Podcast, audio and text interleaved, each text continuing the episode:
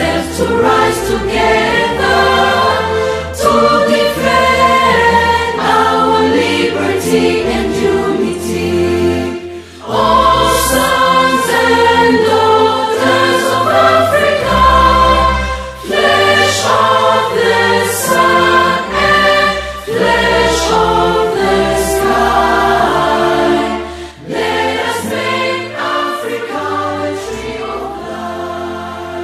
Usuku lwesithathu ziyishumi nesithupha kuMandulo.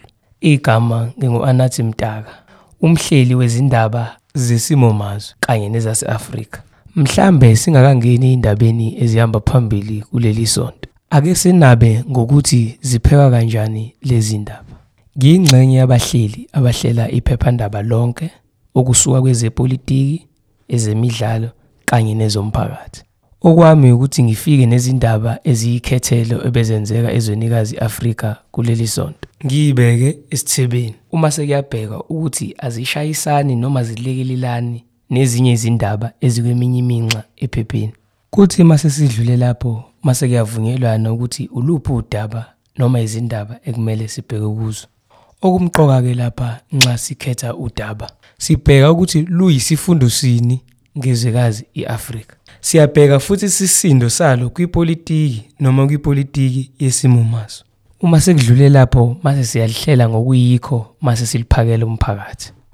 Kuleli sonto nazi ezihambe phambili saxelana kuzo kwelabuhlanga.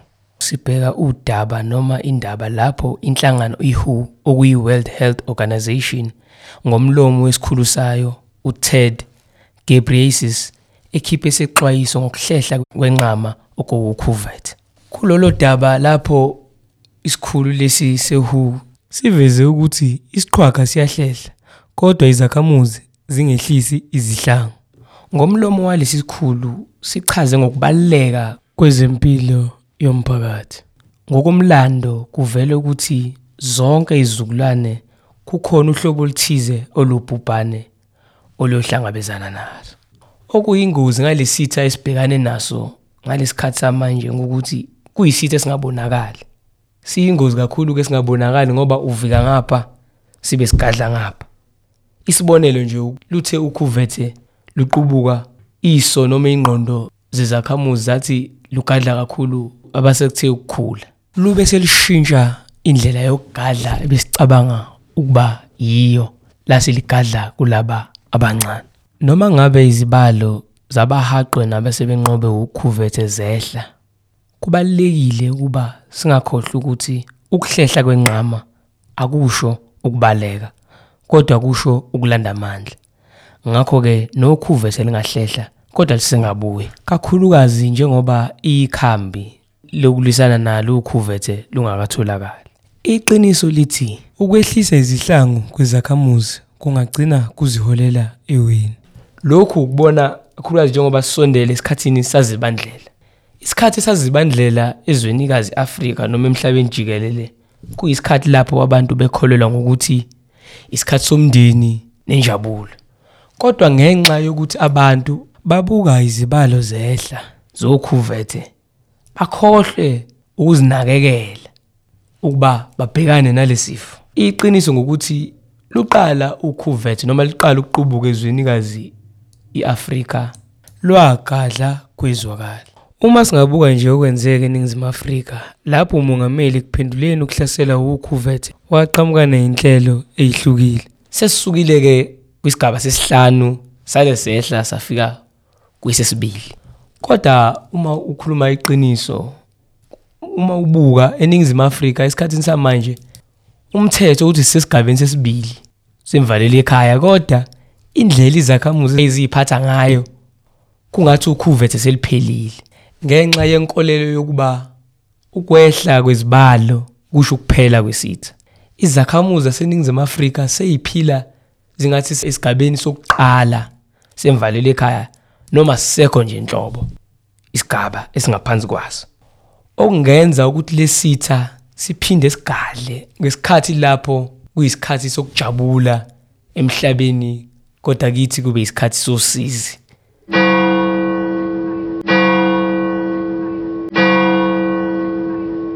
Kulezi nyanga ezinhlanu ezedlule miningi imiphefumulo esilahlekile. Kepha sekunethemba elifufusayo. Ukwehla kwezibalo zabantu abahaqe ukhuvethe sekudala okukhulu ukudideka hayi kuphela ezwenikazi iAfrika kepha nasemhlabeni jikelele. Ngoba ngisho abaholi bamazwe imbala bayakhuluma bayayiphikisa. Basho lokhu, basho lokhuya. Nokho okubukeka kuseyokwenza ngakhona eNingizimu Afrika ngokuthi abaholi bezwe ngisho izibalo zehla bayaqhubeka nokugqugquzela ukuba izakhamuzi zenze lokho okufanele We are in the midst of the most serious public health emergency our world has experienced in over 100 years. Containing the coronavirus pandemic has dwarfed all other issues facing the international community and individual countries. The pandemic has profound social, political, economic, and security implications for all of us. It is impacting on human health, the economies of all affected countries, and the li- livelihoods of millions of people. Although the virus has affected both developed and developing countries, it is the poor who suffer the most. The pandemic has highlighted the dangerous and growing inequality that exists between countries and within them.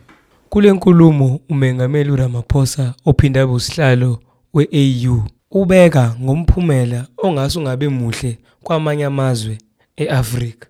Elinye izwe elibhekene nale ngwadla iZimbabwe.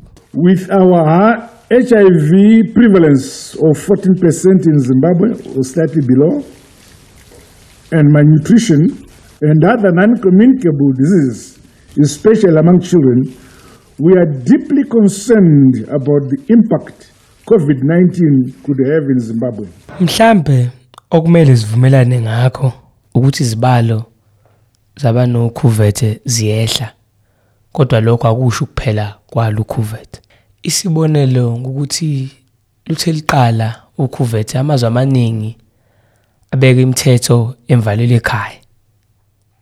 Kodwa kuthe ngokuhamba kwesikhathi ngenxa yokukhubazeka kwemnotho amazwe ayehlisa imvalelo ekhaya noma igaba zemvalelo ekhaya. Kodwa sekuvela manje ngokuthi lawo mazwe ayehlise izigaba zemvalelo ekhaya asebuyele emuva aqinisa leyo mthetho. Namhla kusihlwa kulindele ukuba umongameli waseNingizimu Afrika ehlise lelizwe esigabeni sokuqala semvalelo ekhaya okungase kuchaze ukugeleza komnotho nokuvuleleka kwezinto eziningi. Nokho uma sihlakaniphile njengezwe uma umongameli esesehlisile isigaba singakholwa ukuba isitha sesiguqile ngoba abasenhlabathini akuzona inombolo kepha amadoda amakhosikazi namadodana namadodakazi abantu When we get information in WHO, we get information in numbers. This many people died, or this many people had, have been infected. We don't see the figures. We don't see the numbers. We see the individuals behind the numbers. You know where I come from. I know war. I know poverty. I know disease.